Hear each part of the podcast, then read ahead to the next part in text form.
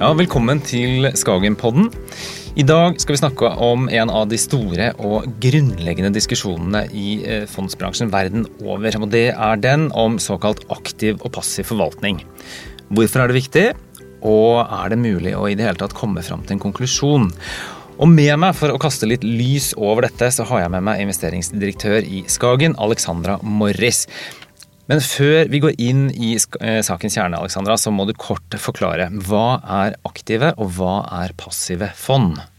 Ja, Ole Kristian, la oss prøve det.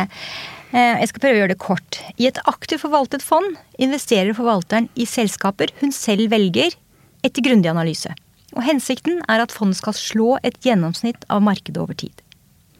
I et passivt forvaltet fond slipper forvalteren å ta selvstendige investeringsvalg. Et passivt fond må ha samme sammensetning som den indeksen den skal følge. Her velger ikke forvalteren selskaper, men det er selskapene i indeksen som velger indeksforvalteren. Det er derfor vi kaller det et indeksfond. Du får altså den samme avkastningen som markedet, minus kostnadene et i fondet. Ok, Så det man kan si, det er at aktive fond det er mer avhengig av hvor flink forvalteren er til å plukke gode selskaper, mens eh, indeksfond, eller passive fond, er mer avhengig av hvordan markedet går. Nå er det jo ingen eh, hemmelighet at du er investeringsdirektør for et helt korps av porteføljeforvaltere som eh, alle driver med eh, aktiv forvaltning.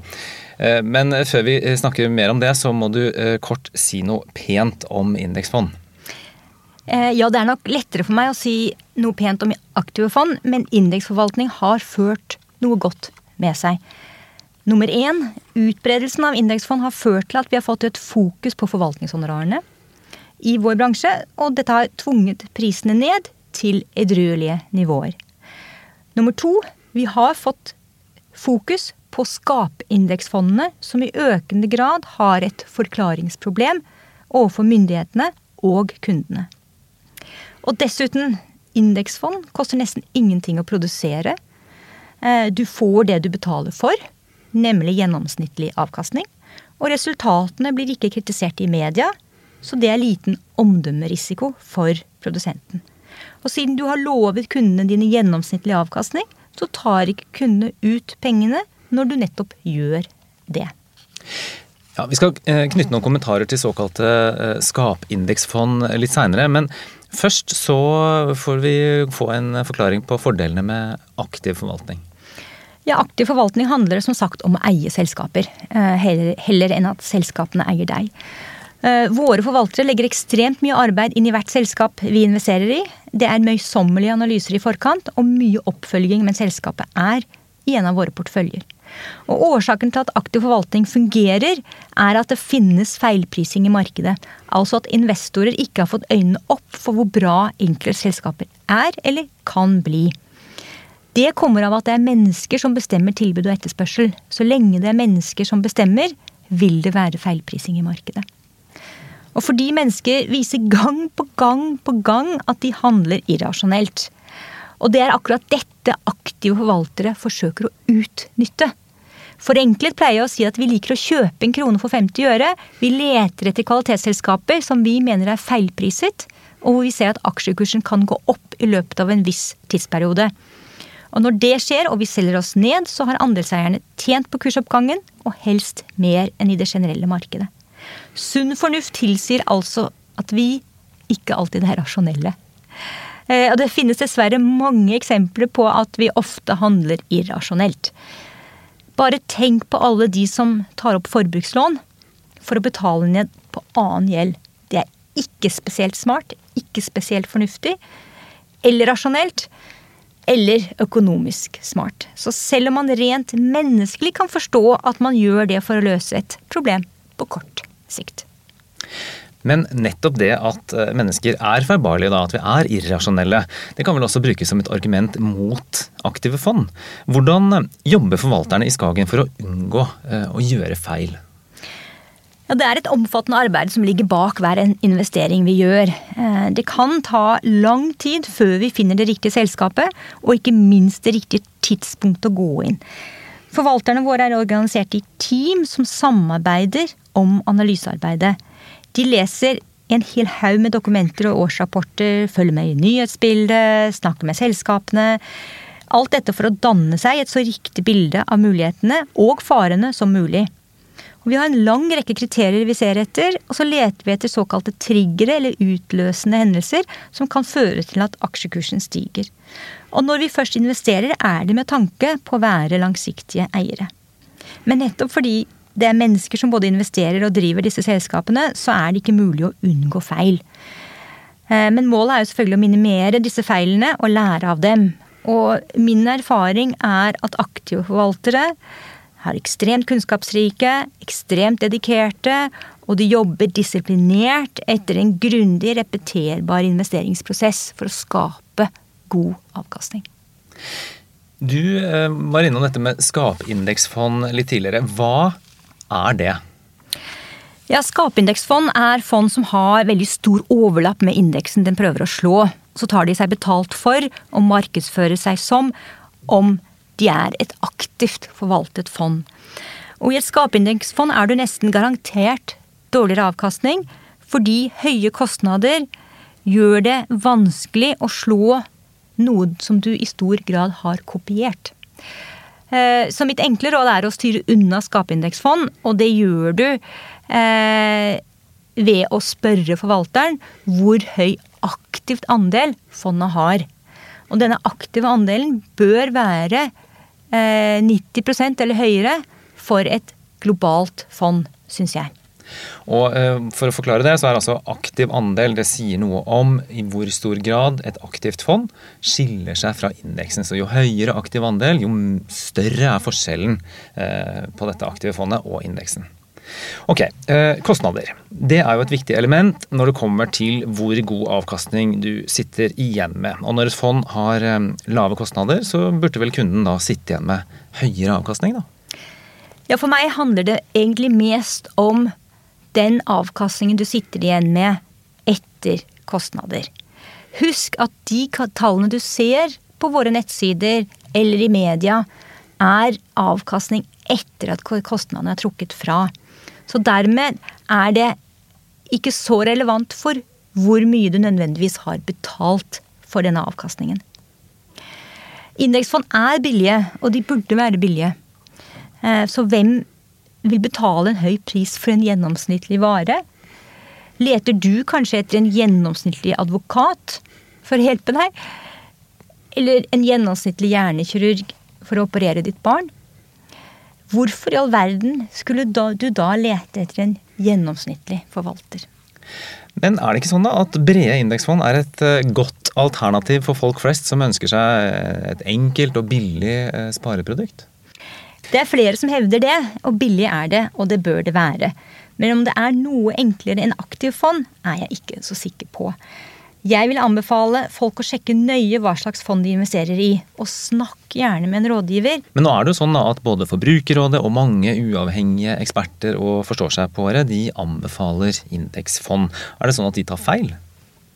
Statistikk viser at aktive fond slår passive fond over tid i snitt. Anbefalingen fra Forbrukerrådet er tuftet på at det er lettere å investere i et gjennomsnittlig fond enn å garantere at du ikke investerer i et aktivt fond som gjør det svakere enn indeks. Da blir utfordringen heller å finne en god, aktiv forvalter med god rådgivning.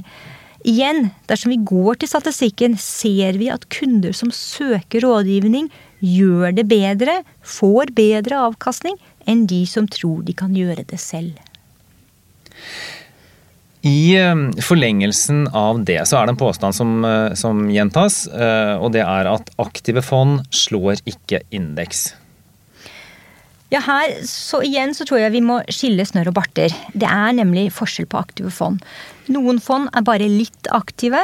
Dvs. Si at de har, har, mye, de har mye overlapp med indeks. Det er disse såkalte skapindeksfondene som vi har snakket om. Man bruker gjerne 40% overlapp som en grense for definisjonen på skapindeks. Og tall viser at ca. en tredjedel av amerikanske fond er skapindeks. Og det betyr at den lille aktive delen et fond har, må gi veldig stor meravkastning for å dekke forvaltningshonoraret. Eh, og her kan jeg jo nevne et eksempel eh, som er eh, en pågående rettssak her i Norge. Hvor Norges største bank er beskyldt for å ta for høyt honorar. Nettopp fordi fondet har stor overlapp med indeks. Og hvor den delen som er utenom, eller var utenom indeks, hadde måttet gi en meravkastning på hele 20 bare for å dekke forvaltningshonoraret.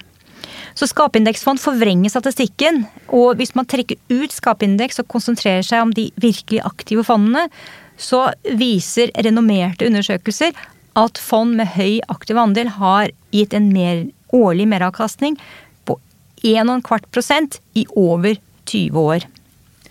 Dette er jo tema som har engasjert deg lenge. og Tidligere så har du sagt at um, indeksfond det er førerløse fond. Hva mener du med det?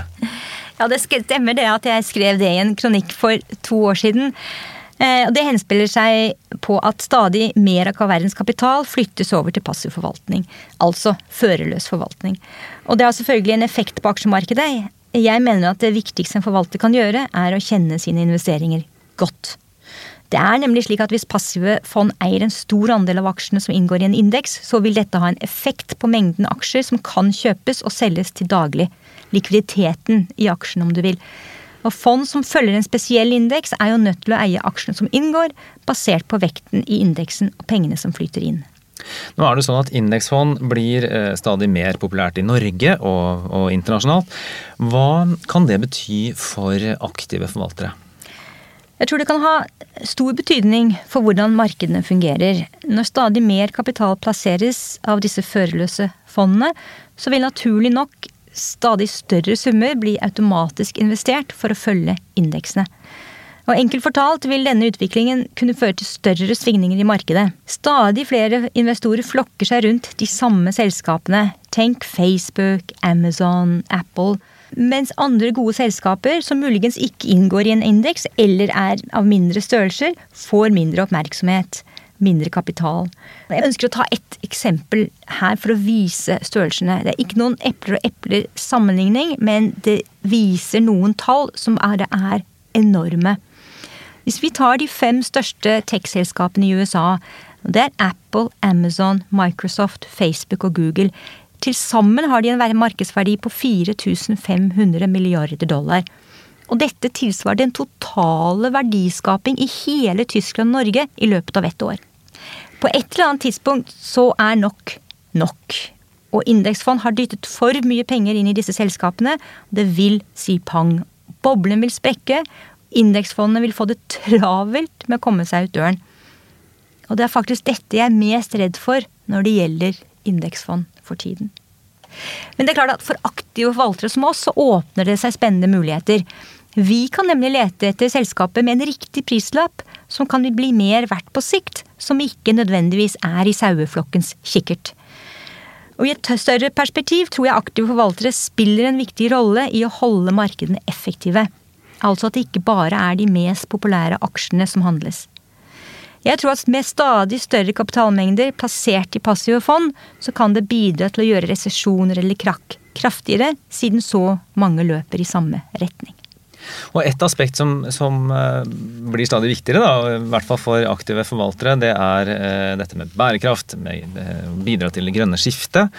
Det er mye snakk om det om dagen, men lønner det seg? Dette er et, et av de store fordelene med aktive forvaltere kontra passive forvaltere. Passive forvaltere må investere i alle selskapene i indeks, som fortalt, mens aktive fond kan investere i de selskapene som vi mener vil gi en materiell avkastning fremover.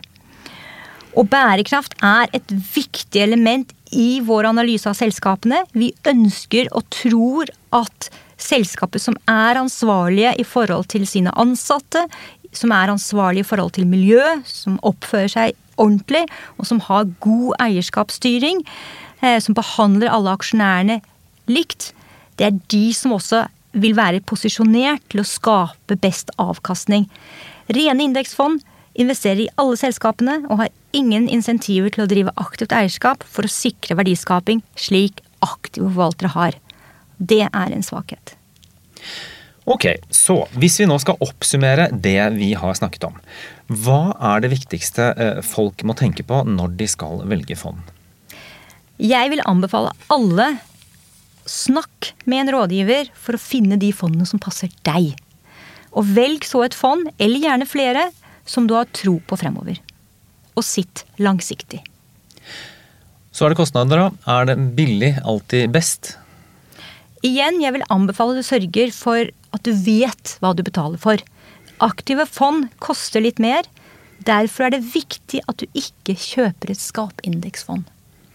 Kostnader er viktige, men ikke avgjørende. Det viktigste er avkastning du får. Og så er det vel ikke alltid snakk om enten-eller? Nei, det har vel aldri vært så mange fond tilgjengelig som i dag. Det er smart å spre pengene på noen ulike fond.